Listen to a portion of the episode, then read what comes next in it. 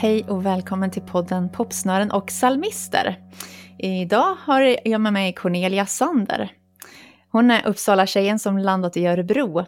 Hon har jobbat på Open Doors, är utbildad i teckenspråk och har jobbat som boendestödjare för döva och hörselskadade.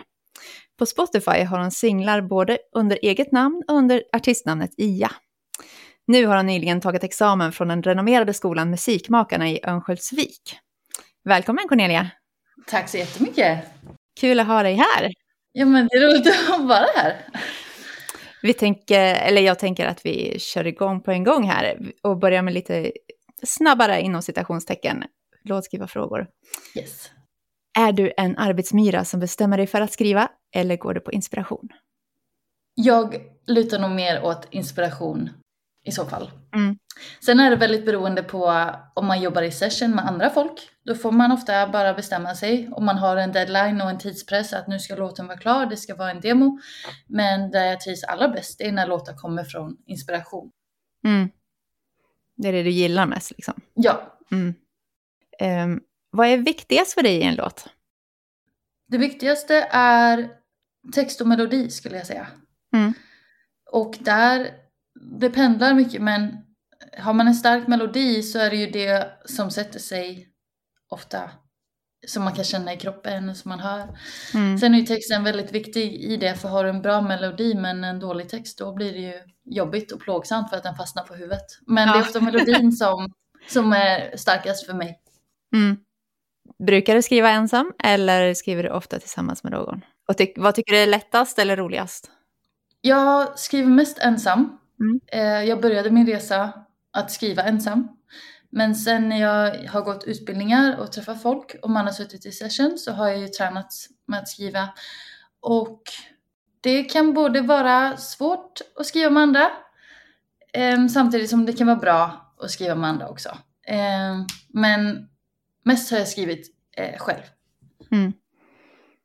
Och när du skriver tillsammans med andra då, vad är det som gör liksom när det... Vad är det som gör när det funkar liksom? Vad, vad känner du? Är det, finns det någon parameter där som är viktig? Ja men dels, man möter ju olika människor när man skriver precis som man gör i, i generellt i livet och en låt eh, beroende på såklart om låten är till mig själv och jag vill ta in någon och skriva då vill jag ta in någon som känner mig som vet vem jag är, hur jag tänker, hur jag funkar för att liksom sammankoppla det till textskrivandet. Men samtidigt såklart har ju de sin egna vinkel och, och inspiration från sitt håll. Ehm, men om man bara placeras i en grupp också med, med människor som man inte känner, man har ingen koppling till, ehm, då, då kan det vara svårare också. Så det, tar, det beror på, allting beror på lite med personkemin och hur man tänker och hur man jobbar och hur man funkar. Ehm, ibland går det jättelätt, men ibland eh, så möter man på utmaningar längs vägen och beroende på om man delar samma värderingar, vill skriva om samma saker. Eh, det kan vara jättemycket olika saker som gör att det inte funkar eh, att skriva ihop. Men när det funkar så är det superroligt att skriva med andra. Ehm, ja, har du någon favorittonart? Oh! Förut var det C, tonarten. Mm. eh, eller G. Men Nu är det väl nog... Det är, det är lite olika beroende på om man pratar om ska jag sjunga eller om jag bara ska producera Mm. låten. Mm. Ehm, för om, när jag ska producera film som är mer, eller förlåt, när jag ska producera musik som är mer filmatisk eller cinematic som man säger, då, då hamnar jag mycket i molltonarter för att sätta en känsla. Men sen när jag ska själv sjunga, ehm, då är det ju ofta C eller G eller ja, beroende på om jag själv sjunger eller ska det här sjungas i kyrkan, då måste man tänka Mm. på det. Och, ja, jag har nog ingen favorit favorittonart, Nej. men eh, Men ett par stycken som du ofta faller tillbaka på då? ja, 100 procent. Mm. ja, om vi börjar från början då. Du växte upp i en familj med ganska mycket musik. Vad betyder musiken för dig när du växte upp? Ja, men musiken betyder jättemycket för mig när jag växte upp. Vi hade, jag är yngst av sex barn. Mm. Så när jag föddes så fanns det ju redan väldigt mycket instrument i huset. Och min äldsta syster var gravt multihandikappad och hon älskade musik och mina föräldrar var eh, framförallt min pappa, men min mamma, båda min mamma och pappa var ute och sjöng och spelade så att musiken blev ju en jättestor del. Mm. Eh, och när man är liten och växer upp och blir nyfiken och så fann jag mig själv min väg till pianot och började där. Eh, och sen när man växte upp så betydde det mer när man liksom fick lära, lära sig instrumenten. Så det betytt jättemycket. Och framförallt att ha en så stor familj som där alla kan spela varsitt. I mm. alla fall ett instrument. Så det har fått bli en väldigt stor del eh, för mig. Spelade ni mycket tillsammans? Eh, uppträdde ni tillsammans också eller? Nej, jag försökte. jag tjatade på eh, min syster ibland. Snälla kan inte vi också, bara för att vi sjöng mycket tillsammans och vi hade musik och, och hemma.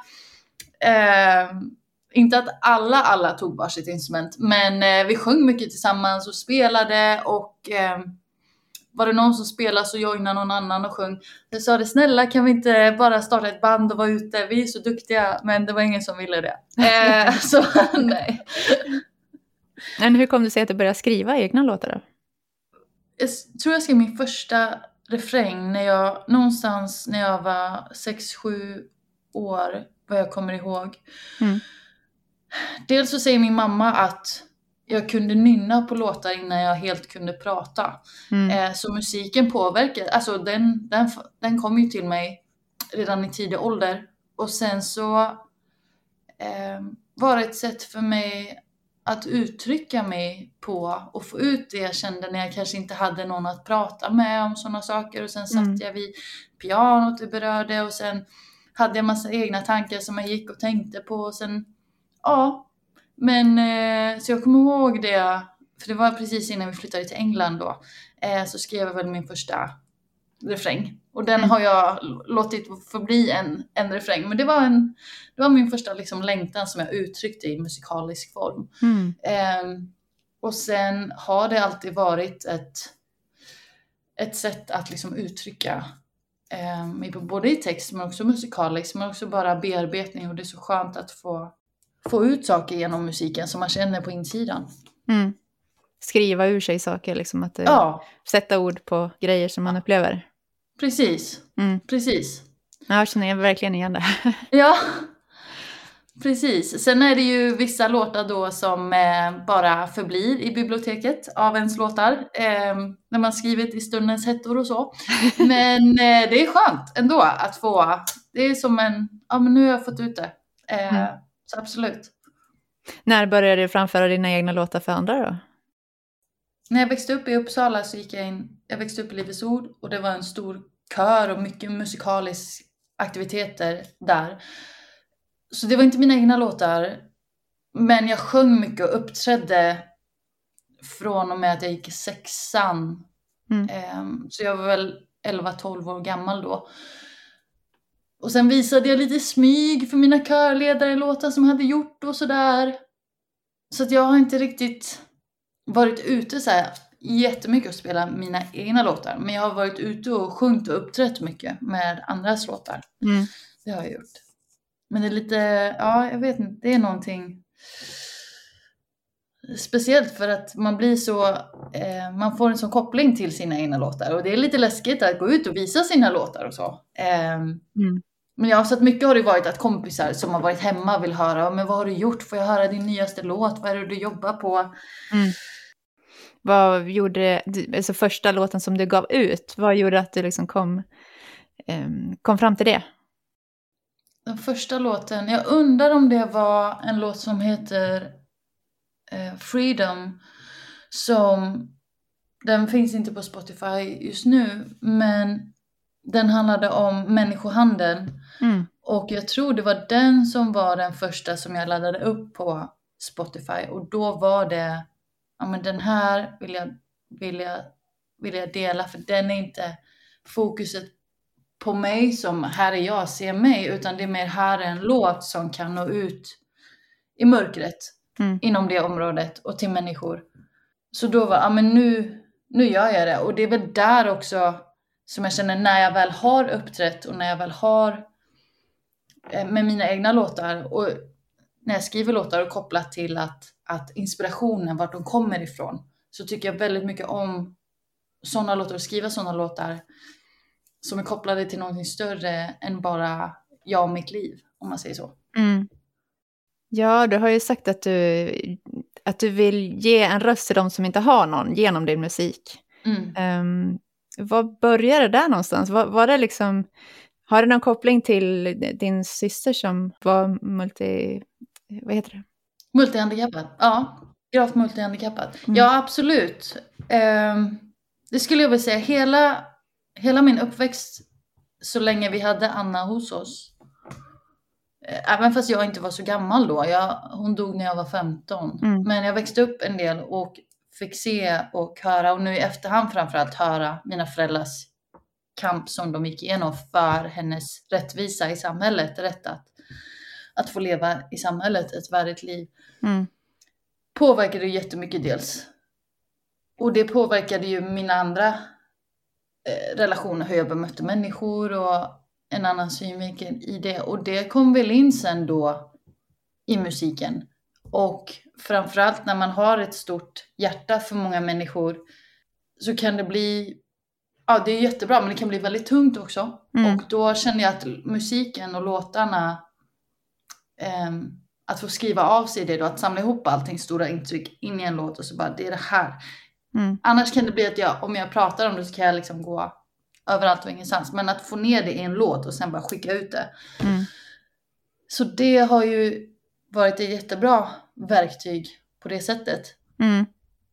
Och det kom ju nog mycket från, från min syster, men också ja, mina föräldrar, sättet som de har levt på, sättet som de har visat eh, med sitt levnadssätt. Och även min tro med det. Alla de här tre sakerna har liksom format den och banat den vägen. Mm.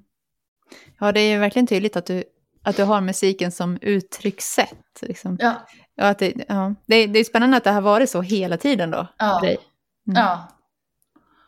Mm, Men är det lika lätt att skriva när du är glad och uttrycker sådana känslor? Eller liksom blir det mest när du är någonting som du tycker är jobbigt och svårt? Nej, ehm, ja, jag skulle inte säga att det är någon, någon större skillnad där. Ehm, förut skrev jag väldigt mycket när jag var ledsen också. Mm. Men jag märker det att sorgen, och det är de låtarna framförallt generellt kanske som kommer hamna i Cornelia-biblioteket. Där Mm. det finns låtar. Men för att jag märker det när jag har skrivit en låt, om jag har varit i sorg och så skriver jag en låt och folk säger wow vilken bra låt. Men det är ju mer min bearbetning i den situationen jag går igenom.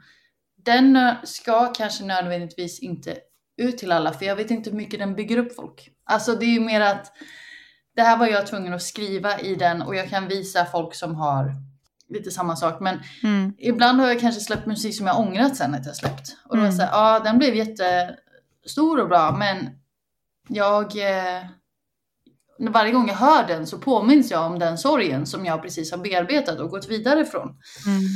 Och då är det ju vissa som säger, ja men nu kan du ju ta den från sorgen men ut till plattformarna och ge den en annan story.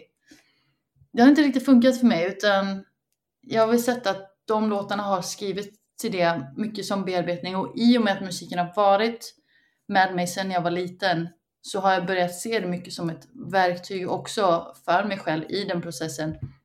Men så nu är jag mycket mer liksom försöker vara lite mer selektiv i alla fall i Mm. låtarna som jag skriver. För jag vet att jag kan skriva låtar om, om livets alla områden. Mm. Mm. Men jag vill välja att vara lite mer selektiv i, i vad jag skriver också. Och, men till din fråga om det är lättare att skriva när jag är glad eller ledsen eller så. Det, jag skulle inte säga att det är svårare varken eller faktiskt. Utan låtarna kommer, de kommer liksom oavsett vilken, vilken känsla jag är i. Mm. Och det var det som jag ville återkoppla till med att det är mer från inspirationen för att och kreativiteten. Ibland, jag tycker inte om att skriva Alltså man märker när, när det är mycket stress i livet och när, när mycket saker som man måste göra, då kan kreativiteten, liksom, nivån sänkas. Och då är det så här, jag vill skriva en låt men jag kan inte skriva en låt för jag är så uppe. Och sen när det börjar landa så märker man, okej okay, nu kommer låtarna igen, nu kommer mm. de igen. Eh, och det är så skönt, än att vara dels jättestressad och ändå bara, jag ska skriva en låt och så bara, mm. nej, vänta lite, det kommer. Mm. Jag har försökt lägga av med musiken många gånger och bara, nej men det funkade inte eller det blev inte som jag tänkte eller liksom ja, det är ingen idé att fortsätta med det här försökte lägga. Men sen kommer låtarna när jag står i duschen eller när jag ska sova eller det liksom kommer mm. från insidan hela tiden så jag bara, men då får de vara där och komma. då får man liksom se hur man ska göra. Vad gäller läget. det är bara gälla läget, exakt. Men jag antar att det var en tillgång att ha musiken då när, när just när din stora syster dog där, när du var 15. Mm. Det var en tillgång att kunna uttrycka sorgen. Jo, det var det. Eh, och man har ju... När jag växte upp med min syster så visste jag att en dag kommer hon att dö. Eh, hon kommer inte vara med hela, hela tiden. Och under mitt liv, när det var många gånger som vi trodde var hennes sista stund, men inte var så, var det ju det som jag ju skrivit och tänkt och begrundat på det väldigt mycket. Och eh, då skrev jag en låt på engelska som heter Rest in Peace efter hon dog. Mm. Eh, om att vi kommer mötas igen och så. Eh, och när jag lyssnar på den idag så är det en fruktansvärd inspelning. Men det var den låten som ju öppnade vägen att jag fick åka till USA och sjunga i mm -hmm. USA. Mm. Så jag försöker också inte förringa de små mm. stunderna eller det, det man har utan ändå gå, göra det som man, eh, som man har som gåva och ändå göra det. Men det var en, och sen så skrev jag en, en till låt för att sorgen släppte inte i första hand såklart. Den kom och gick så det blev två, tre låtar till men så skrev jag en på svenska i alla fall. Mm. Eh, som heter En dag och ja, det var jätteskönt att ha, ha det verktyget tror jag. Mm. Det är så svårt att jämföra ett liv utan musik. Mm. Eh, och veta hur det skulle vara om man inte hade musiken. Liksom. Eh, men, men absolut, det är väldigt roligt att få ha, att få ha den och se eh, och kunna använda det som ett verktyg. Mm. Men det här med att du vill begränsa eh, att du inte vill ge ut en del sånger. Eh, jag uppfattar det som att det inte för att det blir för personligt utan för att eh, när du hör dem så tar de dig tillbaka till den platsen där du var. Är det så? Ja men dels, alltså dels har det varit att det har varit så personligt. Mm. Och man har haft de dömande tankarna. Mm. Men när man lyssnar på alltså popartister eller låtskrivare idag så är de ju väldigt personliga. Och det är mm. ju det folk säger. Var personer, bjud in oss till ett innersta, till ett djupa liksom. Men eh, jag vill inte alltid det. Ja, det är ju det att man känner igen, man, man känner igen sig. Liksom. Det är det. Precis. Och det, det är skillnad om man, om man pratar om någonting, men det känns som en låt, släpper man en låt då, ja men då är den där i all evighet om man inte plockar bort den. Um, och vissa då låtar som man har skrivit i sorg och bearbetning kan, kan bli till jättestor styrka, men för mig blir det också en påminnelse om och om jag då vill gå vidare och liksom blicka framåt och inte tänka på det, då blir ju det en, en, eh, en påminnelse. Så därför för min del i alla fall. Eh, så det är till exempel samma nu i alla fall. Om jag är ledsen nu, om det händer någonting nu, om man går igenom en heartbreak eller någonting sånt. Alltså jag vill inte lyssna på heartbreak-låtar. Eh, då vill jag, ja, jag, jag, jag förstår den, den eh, hjälpen att identifiera och allting sånt. Men om jag går igenom hjärtesorg eller, eller någonting, vad det är någon dör, då vill inte jag lyssna på när någon sjunger en låt om någon som har dött, för då blir det ännu mer starka känslor och då liksom, mm. så då vill jag bara lyssna på glada låtar för att liksom gå, blicka framåt och fortsätta, ja, framåt. Mm. Så funkar jag. ja, men jag fattar den grejen. Eh, och det, ja. Delvis kan jag känna igen det. Ja. Absolut. Um, hur kom det sig att du lärde dig teckenspråk då? Och har du någon gång tolkat en sång till teckenspråk? När jag var liten Eh, dels när jag växte upp med min syster, hon var ju gravt multihandikappad så hon kunde ju inte teckna. Men vi fick ju in mycket av kroppsspråk på ett annat sätt om man jämför med talspråket.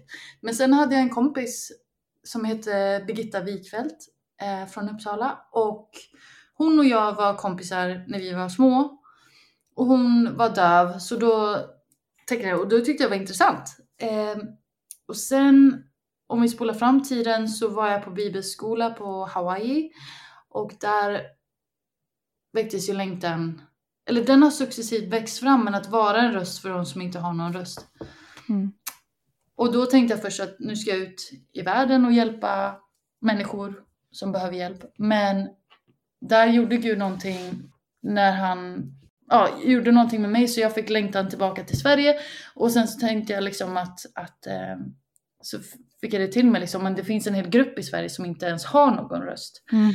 Eh, de döva och hur det liksom så dels någonting i, i från, från uppväxten men sen också att komma tillbaka och det var då jag bestämde mig för att flytta till Örebro och plugga till teckenspråkstolk och dövblindtolk. Mm. Och sen så gick jag den, men efter halva utbildningen så hoppade jag av. För att då hade jag lärt mig teckenspråk och kunde kommunicera med dem i alla fall. Men jag kände att just tolkyrket var inte, för att man kunde ju, man väljer ju inte sina, eller klart man får välja sina uppdrag men jag kände att jag kom för långt bort relationerna med människorna. Mm. Jag ville ändå jobba med teckenspråk. Så därför jobbar jag idag på ett ja, elevboende med döva och hörselskadade ungdomar.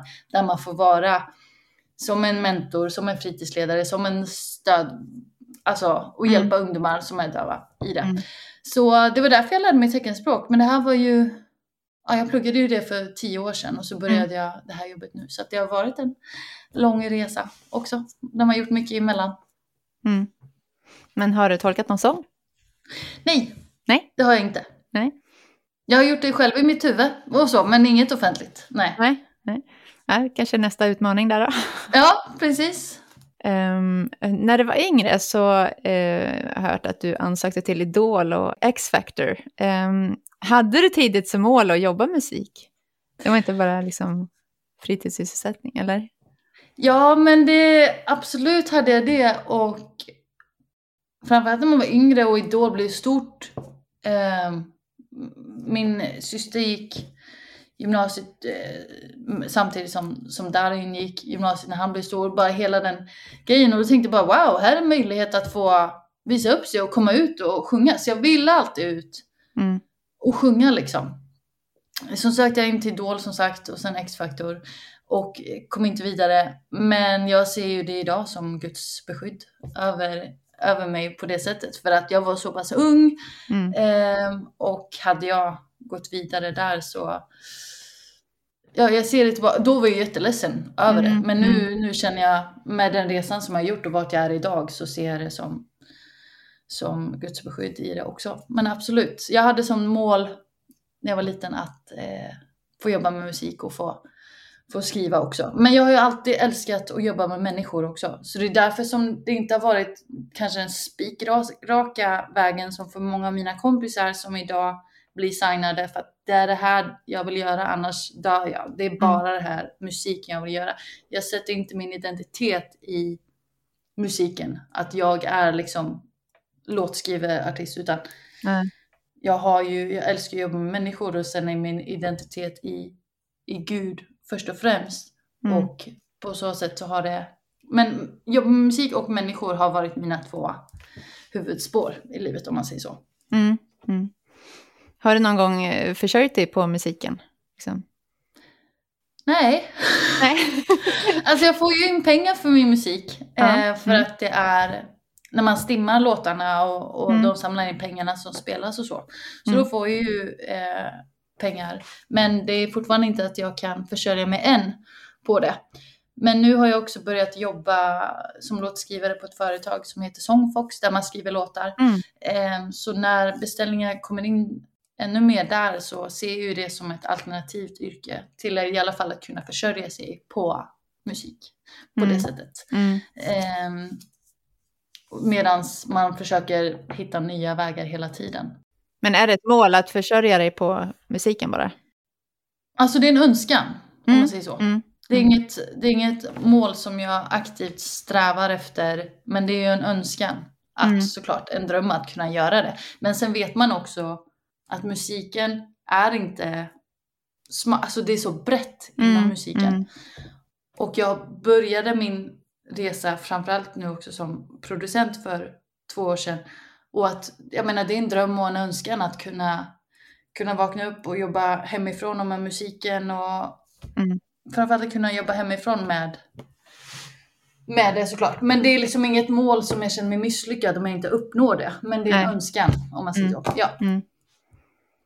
Ja, du hade ju ett eh, skivbolagskontrakt också på gång i Tyskland en period. Ja. Um, nu blev inte det precis som du hade tänkt dig. Um, vad lärde du dig av det och hur har det påverkat din inställning till musikbranschen? Nej men, det var ju det stora. Det var nog det största erbjudandet mm. som jag har fått än så länge i, inom musikvärlden. Och det var ju jättestort att få ett sånt. Mm. Eh, de ville signa mig som låtskrivare och som artist och de ville skicka mig till Nashville. De sa det, du behöver aldrig mer jobba en dag i ditt liv, vi kommer ta hand om dig. Allting sånt. Alltså, och det här var 2019. Eh, och att bara få höra det för en låt som vi gjorde i studion här i Brickebacken i Örebro, det var ju så här, wow. Mm. Och, men då hade ju vi suttit här och jobbat och jag hade jobbat fram det här med texten och hade en vision för låten och så här ville jag, det var så här jag tänkte när jag skrev den. Men sen så fort den lämnades över till skivbolaget då så, så var det som att nu har inte jag någonting mer att säga. Mm. Utan de bestämmer allting. De skulle göra en musikvideo på en partybåt. De skulle, sen ändrade de det och gjorde det till en beachklubb och mm. liksom sa det att kan du skicka en video på dig när du dansar i bikini för vi ska se om du ska vara med i musikvideon eller inte. Jag bara alltså, vänta va? Alltså det är mm. jag som har skrivit, vill inte ens veta vad jag har tänkt. Mm. Alltså där, vad har du för mm. tankar, vad har du för visioner? Mm. Allting var liksom men det var en jättehäftig upplevelse och de flög ner mig till Tyskland och fick bo på jättelyxigt hotell och mat och mm. allting och bara wow, alltså jag kände mig som liksom Beyoncé och bara det här. Eh, men sen när de sa det och de sa att de ville, sen åkte jag till Brasilien och då ringde de mig och så sa de att vi vill signa dig som artist och låtskrivare. Och, och då sa jag det, det låter ju som en dröm. Mm. Men jag vill se kontraktet mm. innan jag säger ja. För mm. att ett muntligt ja är också... Och då sa de det, vi håller på att skriva ihop det, men säg bara ja. Du behöver inte oroa dig, vi kommer ta hand om dig. Så kan du bara säga ja. Och då sa jag, nej jag kan inte säga ja, för jag vill veta vad som ingår. Mm. Och då så sa de, okej okay, men vi skriver kontraktet och så skickar vi till dig. Eh, och sen i samband med att jag tackade när de ville ha med mig i musikvideon i bikini så sa jag det att jag vill inte vara med i musikvideon. För jag vill inte mm. stå och dansa i bikini. För det är inte det jag står inte för. Det är inte det som jag vill Nej. använda min musik till. Och efter det så slutade de höra av sig till mig. De släppte låten, den blir stor, den har snart 9 miljoner streams. Jättekul. Mm. Och då kände jag väl det, men då fick man också smaka på det att okej, okay, man är bara en pengamaskin. Eller inte, alltså de vill bara ha mm. pengarna, vilket såklart, för att det är en stor pengaindustri där. Mm. Och, då, och då vet jag ju det att om jag var ute efter att tjäna pengar, jag vet vilka vägar jag ska ta och folk säger men varför är du inte större, varför är du inte där? Men folk vet inte så mycket om hur själva branschen funkar i sig. Mm. Men jag fick ju lära mig mycket om det och jag är väldigt glad att jag stod för det jag gjorde och att jag tackade nej för så att eh, man ska kunna stå för det man gör. Och på grund av att man tackar nej till sådana saker så blir ju resan längre på ett sätt också. Mm. Så att jag har lärt mig väldigt, väldigt mycket om det, om den resan. Och det har ju förändrat på så sätt att det, det har ju förändrat på så sätt att jag märkt att okej, okay, nej men det är inte det här jag vill. Alltså allt är flashiga, allt är som man tänkte, ja ah, men det här skulle vara supernice. Men det är för högt pris att betala. Alltså mm. det är för, mm. Det är liksom en helt annan prisklass som vi pratar om där man måste liksom. Mm. Um, så det, ja, jag fick lära mig att uh, det är inte det jag vill. Nej. Hur, hur, ser du på det där med att vara kristen och artist? Det, det, ligger ju en liten, eller det kan ligga en liten motsättning i det, men å ena sidan vilja försörja sig med musiken och å andra sidan göra det för Gud och liksom göra det gratis. Men liksom, ja. ja. Nej, men det har varit en stor del av resan också. Förut ville jag ju det och jag om, omgavs mycket av människor som ville jobba för mig för att ta fram mig som artist. Och jag sökte ju till Idol och X-Factor för jag ville stå på scen, jag ville sjunga och allting sånt där. Men sen med resans gång så kommer man ju till det här eh, problematiken som du säger att att vara alltså kristen och vara artist och alla frågesättningar som kommer och tänkandet kring det. Och för min del i alla fall så har det väl fallit sig ganska naturligt i slutet. Eh, eller inte naturligt, det har ju varit en, en, en kamp i det också för att man har ju röster från alla möjliga håll, både kristna men okristna, men också kristna som liksom uppmuntrar en att gå ut och vara artist och liksom mm. allting sådär. Och sen, men för mig nu, jag, jag har brottats väldigt mycket med den tanken att liksom utan, för det är mitt budskap i låtarna som jag vill ska nå ut. Och mm. det har ju varit så mycket. Jag vill jättegärna skriva låtar och släppa ut dem på Spotify. Sen behöver inte jag åka runt och turnera och spela upp mig. Alltså det kan vara jättekul så. Men det är så lätt också att jag tror det är en jättesvår värld att navigera som kristen också. Man måste verkligen mm. veta vart man står och vad man vill och det märkte man ju då när jag blev signad eller höll på att bli signad till Tyskland, att pressen och klarar jag av att säga nej, klarar jag av mm. att stå och först var jag, ja men jag, jag ska bara ut i musiken och ska berätta om Gud för alla liksom. Alltså man, man var ju naiv och tänkte att nu ska jag liksom ut dit och bara jag får komma till Hollywood så kan jag prata om Jesus och så bara... Men eh, eh, jag tror ju att det finns liksom... Men jag tror inte lika mycket på att vara kristen och, och artist idag som jag gjorde förut och inte, framförallt inte på samma sätt. Och jag tror inte vem som helst ska bli det heller. För att det är så mycket fällor längs vägen som kan få en att gå så fel håll. Mm. Eh, men sen tror jag det är viktigt också om man ger sig in i den och tänker att man omger sig med människor som förebedjare och som, som kan tala in i ditt liv, som kan vara med, som du har förtroende för, som kan peka ut att Cornelia, nu är du på väg på fel vatten. Nu går mm. du ut från det här. Och liksom som du kan vara accountable mot och liksom, ja men du sa att du skulle göra det här, men nu går du åt världens håll. Och dra en tillbaka eller få en att vakna upp eller liksom se. Så jag, jag tror inte vem som helst ska ska ge sig in i den också. Men sen så är det också nu känner jag att jag vill, jag vill skriva låtar för att ära Gud och lyfta upp Gud i det också. Så att för min del har det varit en väldigt dragningskamp i det.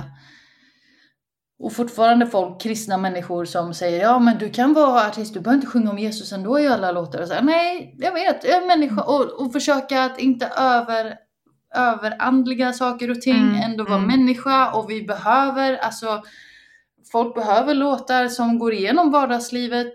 Men som jag sa till en kompis också att det är jättebra om kristna gör det och som har frid att göra det. Kör på, men jag måste kolla till mig själv och vad mm. mitt samvete säger till mig. Jag, jag, dömer inte de andra, utan om de har fått frid att göra det så kör på. Men mm. vi alla är är ju olika lagda och jag vill mer och mer de senaste åren har jag märkt. För att när man har blivit så exposad till musikbranschen också och det spelet som är så är det väl mer att jag vill bara fokusera på så långt det går att liksom ha en gudomlig liksom, grund i mina låtar som jag gör. Mm. Och um, så sa du, behöver, du behöver inte sjunga Jesus i alla låtar. Nej, jag vet att jag inte behöver, men jag vill. Jag kanske vill det. Och liksom, mm. eh, och du är kristen och du sjunger aldrig om Jesus och det är okej okay för dig liksom. Mm. Eh, men absolut, det har ju varit och kommer säkert vara och fortsätta vara. Men det är viktigt att man håller, har folk som är accountable i det. Mm.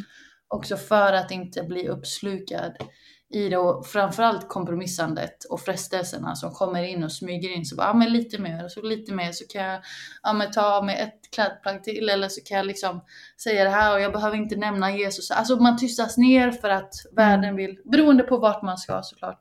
Mm. Om man pratar om vara kristen artist ute i, i den sekulära världen liksom. Mm, mm. Men även om man vill vara en kristen artist bara i det kristna så är det viktigt att ha accountabilities också så att man inte går upp i något högmod eller alltså vart man än är. Vi behöver ju varandra oavsett vilken, vilken bransch vi är i. Mm. Tänker du annorlunda när du skriver en eh, lovsång och sånger som inte är riktigt lika tydligt kristna i sitt budskap? Eller liksom inte uttalat kristna liksom? Ja, generellt så har ju väl eh, synen på vad är lovsång Mm. gått eh, en sväng i sig också. Att, eh, men absolut, lovsång är ju lovsång och tillbedjan till Gud. Sen Mm. har vi kristna låtar som är jättebra låtar, men som är mer jag och Gud fokuserad relation. Alltså typ Mm. Kom och möt mig, jag längtar efter dig, du är underbar och jag vill vara där du är. Det är ju jättefint. Men om man sen går mot ren lovsång också, bara tillbedjan och lovpris och ära Gud för den han är. De två skiljer ju sig också de kategorierna skulle jag Mm. säga. Mm. Och sen så då skriva låtar om livet som jag ändå har gjort och ändå gör genom tankarna för man, liksom, som man processar. Men jag, så det är där som jag vill ändå vara ärlig med det jag går igenom. Men jag vill ändå ha med Gud som är min styrka i mitt Mm. liv i de låtarna. Mm. Jag skrev en låt till exempel som heter Håll om mig. Som är liksom när jag går igenom snåren genom tankarna, höga bergen, känslorna. Och jag känner hur tvivlan reser över mig. Alltså absolut. Men, men jag vet att det här är inte bara en låt som en vilken som helst. Utan det finns Mm. en större betydelse i det. Så det är lite olika sätt som, man, som jag tänker på när jag skriver dem såklart. För sen när man jobbar i, i den mer sekulära branschen eller sånt och det här inte är, då är det andra sätt man jobbar på som kristen låtskrivare i en, en sekulär värld. Till exempel när jag gick utbildning så var det väldigt mycket fokus på att hata män. Många som Mm. ville skriva om det, hur de hatar män. Och, och då får man ju försöka flika in, okej men vi kanske kan uttrycka på ett annat sätt. Vad är grunden till att du hatar den här? Och försöka liksom jobba, bearbeta, eller liksom Mm. och sen var det ju, man skriver om livet och blommor och ängar och Mm. kärlek och allt och, och så. Så det är väldigt olika som man, som man tänker i beroende på vilken situation som man är i. Mm. Och förut, det så där jag är idag, alltså förut har jag jobbat med olika producenter, jag har jobbat med olika låtskrivare också, jag har jobbat med brett för att jag tycker om att, har tyckt om att skriva brett för att jag har väl kämpat mig fram för att visa att ja, men jag kan skriva det här och sånt. Men det har också varit en björntjänst för mig, så den resa jag är på nu är väl att komma tillbaka till, ja men vem är jag? Om jag bara får göra den musiken som finns inom mig, utan att behöva lyssna på en producent eller en viss kategori. Att nej men nu ska jag skriva en poplåt och då är det, då är det tre verser, en brygga, dubbelrefräng på slutet och liksom okej. Och sen när jag har kommit med mina melodier då har det inte alltid passat in i den världen för det har varit mer nordiska eller liksom folkliga visor typ. Och då har jag alltid, ja men okej men skitsamma, då skiter jag i dem. Och så kör vi bara pop Mm. som är för att jag vill. Men nu, sen den här äh, utbildningen som jag gick för eh, två år sedan också, då, då har jag insett att jag, jag gör bara en björntjänst för mig själv, för att jag sprider ut mig själv, vilket visar på, på stor kapacitet i det. Men vem är jag som, som musiker och, och låtarna som kommer ut? Så det var därför jag också lärde mig, började lära mig producera, Mm. för att få ut det som är på insidan eh, på det sättet som jag vill utan Mm. att ha en massa åsikter om ändra så, ändra si, ändra så. Men ja, det, det, är, det är och, eller det har varit en jättestor resa och eh, man känner ju av den resan fortfarande. Men det är spännande att se hur allting utvecklas. Mm. Hur ungefär hur många låtar tror du att du har skrivit? Har du någon koll? Nej, men kanske 500. Mm. Vi skrev ju enormt mycket, framförallt på utbildningen. Mm. Men ja, jag skulle säga, och sen påbörjat, jag kanske inte har slutfört alla 500, men jag har skrivit och jag har ju anteckningsblock från när jag var liten, Mm. innan jag hade Mm. dator och sånt, där jag har skrivit ackorden och texterna och sånt som man kollar igenom. Mm. Eh, Ligger det liksom en hög som du skulle vilja göra någonting av, som du inte haft tid och pengar att göra än? Ja, men det gör det. Absolut, det gör det. Och eh, även några från mina yngre dagar som tänkte jag, det här, är ändå, det här var ändå fin. Det här vill jag Mm. göra någonting av. Men eh, absolut, det gör det. Men många som verkligen inte kommer komma ut heller. ja, ja, det har vi ju konstaterat. Ja. En del har du sagt no-no på. ja, precis. Men vad är roligast då? Är det att skriva låtar eller att producera? Tycker du? Mm. Jag skulle säga att... Nej, det är jättesvårt. Alltså jag har skrivit låtar hela mitt liv. Mm. Eh, och det är ju någonting också som faller sig naturligt, som kommer. Låtar. Så när låtarna kommer på inspiration, då är ju det superroligt. Mm. Men att få producera musiken, och då, då, jag är ju fortfarande ny som sagt i resan av att producera. Men att bara få sitta där och måla upp ett landskap med musiken. Sen är inte jag någon eh, så bra på mix och mastering just nu, men att bara få måla upp den. Det, alltså det är verkligen som att måla en tavla. Mm. Alltså först vill man ha liksom grönt och blått och så först man lägger in det, så lägger man in stråkar och sen lägger man in liksom trummor och, och, och hur måla upp och det kan jag fastna i eh, i flera timmar också. Mm. Så att nu när jag upptäckt det så är det ju jättesvårt och det går ju i olika perioder. Men det är det som är så bra för att har man Mm. en torka och låtskrivande, man, man har inga texter, då kan man bara sätta sig och producera och skapa någonting och sen så kan man, så kommer man på en text och så lägger man in det och det, jag, jag kan inte riktigt eh, välja vad som är roligast. Alltså det som har varit jobbigast med produceringen det är ju att man inte har kunnat det innan och man har stött på så mycket hinder hela tiden och Mm. ja men nu funkar inte den pluggen eller nu är det ljudet borta och så bara blir man bara så trött på sådana saker. Men nu efter Mm. utbildningen så känner jag att jag har mycket mer självförtroende i det. Mm. Och då blir det ju roligare som allting annat Mm. i livet, hur det funkar också. Men ja, ja precis. Jag, jag, jag vet inte vad som är roligast idag, att producera eller att skriva låtar faktiskt. Nu har de kommit i jämlika. Ja, mm, spännande. Ja. Men är det så att det lätt blir att jämföra dig med andra när du har liksom gått utbildningar och sånt där, att man tycker, ja men den personen gör ju si och så, eller? ja. eller? Mm. Oh ja, verkligen. Och det är ju den ständiga förbannelsen som är över hela samhället med sociala Mm. medier eller jämförandet i vad man än gör och på sitt jobb. Alltså så, men självklart inom musiken. Men det som har varit bra är ju också att, eh, att om man sitter i en session till exempel och någon inte har kommit igång och liksom bara säger men jag kommer inte på någon text. Men bara av att den har en bra vibe, alltså att den peppar och uppmuntrar eller bara slänger ut sitt ord kan vara nyckeln för att någon annan ska skriva en hel vers som i sin tur någon annan tar över och skriver så sätter man ihop det. Det är ju jätteroligt. Men om man jämför sig med andra klasskompisar, ja ah, nu fick hon skivkontrakt dit och hon fick skivkontrakt dit. Och... Men det är hela tiden, ja ah, det är ju nog så i alla Mm. alla områden, men där också inom musiken att, att eh, ja, men vill jag det här? Alltså, Mm.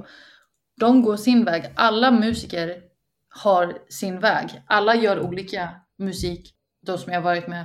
Och bara wow, men han lyckas superbra med det här. Men man har lyckats vända det till att, ja men jättekul för han. För att jag ser att det är, det är ändå inte dit jag vill. Mm. Alltså jag vill inte till Sydkorea och producera K-pop. Men min klasskompis vill det och han har liksom tagit sig hela vägen dit och det, och det är en jättestor inspiration Mm. till att liksom wow vad roligt för dem eller liksom men absolut, när man, men när jämförelsen kommer så måste man ta den till fånga, eller vad man säger. Ja. Och bara, okej men varför jämför jag mig med den här personen nu? Vad är det som triggar igång att jag jämför mig? Och hur jämför jag mig? Är det liksom, kan jag dra motivation och inspiration? Eller är det bara att man blir avundsjuk? Eller liksom så att man hela tiden, Mm. ja. Mm. Ja, men det är bra tips där, Mm. tycker jag. Nej, men jag tror att det är sånt där kämpar vi ju alla med, på Ja. ett annat sätt liksom. Mm. Så är det ju. Precis. Ja, eh, vi börjar lida mot sitt slut här. Eh, jag tänkte att det, du, vi har ju redan hittat på en utmaning åt dig eh, att tolka språk, eller du Ja. sång i teckenspråk. Men vi ska dra en utmaning också. Jag tror, tänker att det är inte så många som kan teckenspråk. Spännande. som kan ta den utmaningen. så vi ska se. Oh, det här är en utmaning. Skriv en låt i femtakt. Oh! Har du gjort den en gång? Nej, jag brukar ligga på sex åttondelar nu Ja, för tiden. Mm. Men mm. femtakt har jag inte, har jag inte gjort. Nej, den är lite speciell. Ja.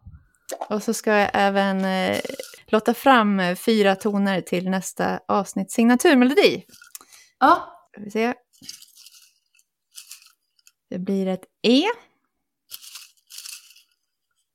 Ett S. Ett A. Och så den fjärde då. Ass. Ja, det var ju spännande. E, S, A, ass. Esas. Ja, vi får se vad det blir av det. Ehm, men jag ska också vilja veta, vem skulle du vilja att jag bjöd in till podden? Jag vet inte. jag eh, eh, var inte beredd på eh, den frågan. Eh, men jo, om jag, om jag får rekommendera i sådana fall så är det ju min vän Jolina. Som är, eh, jobbar mycket ute i, i den här branschen men som fotograf. Hon började sin resa Mm. att komma upp till, vi gick samma klass i början och hon eh, eh, började som låtskrivare. Men hon, hennes gåva inom fotografi var istället det som tog över och utvecklade Mm. ehm, hela det. Så att hon blev ju anställd av alla klasskompisar för att vara fotograf, filmredaktör.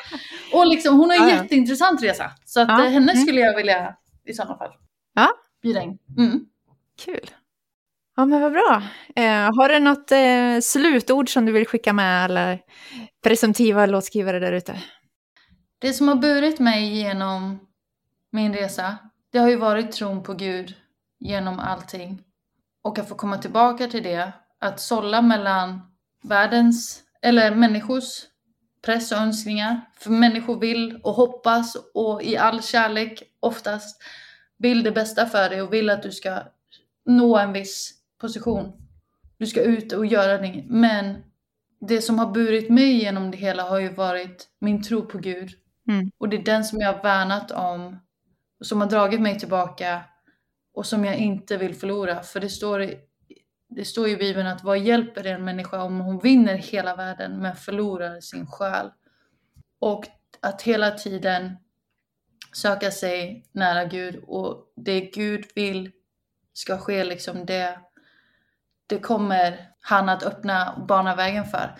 Eh, så att inte lyssna för mycket på vad andra säger. Ja men du borde göra det här, det här, det här, det här. Mm. Sålla det, är det det jag ska göra? Jag vet att de ger mig de råden i kärlek och all liksom, de vill det bästa och de tror det bästa. Men är det, är det det som jag känner att Gud drar mig till? Och sen att våga då gå på det som, och på så sätt tacka nej till det som inte stämmer i linje eller överens med det som du känner ligger över ditt liv eller som det du ska göra. Mm. Och att bekräftelsen vi söker är liksom från Gud och inte från människor utan Gud älskar oss. Gud eh, är med oss i alla lägen. Mm. Och vi behöver inte bekräftelsen från andra människor utan det som Gud har lagt. Ja, så att hela vårt liv får bli en lovsång till honom. Det var ett bra slutord. Vad bra. Tack för det och tack för den här intervjun. Tack att du hängde på. Tack så mycket för att jag blev inbjuden. Jätteroligt. Tack och hej. Tack och hej.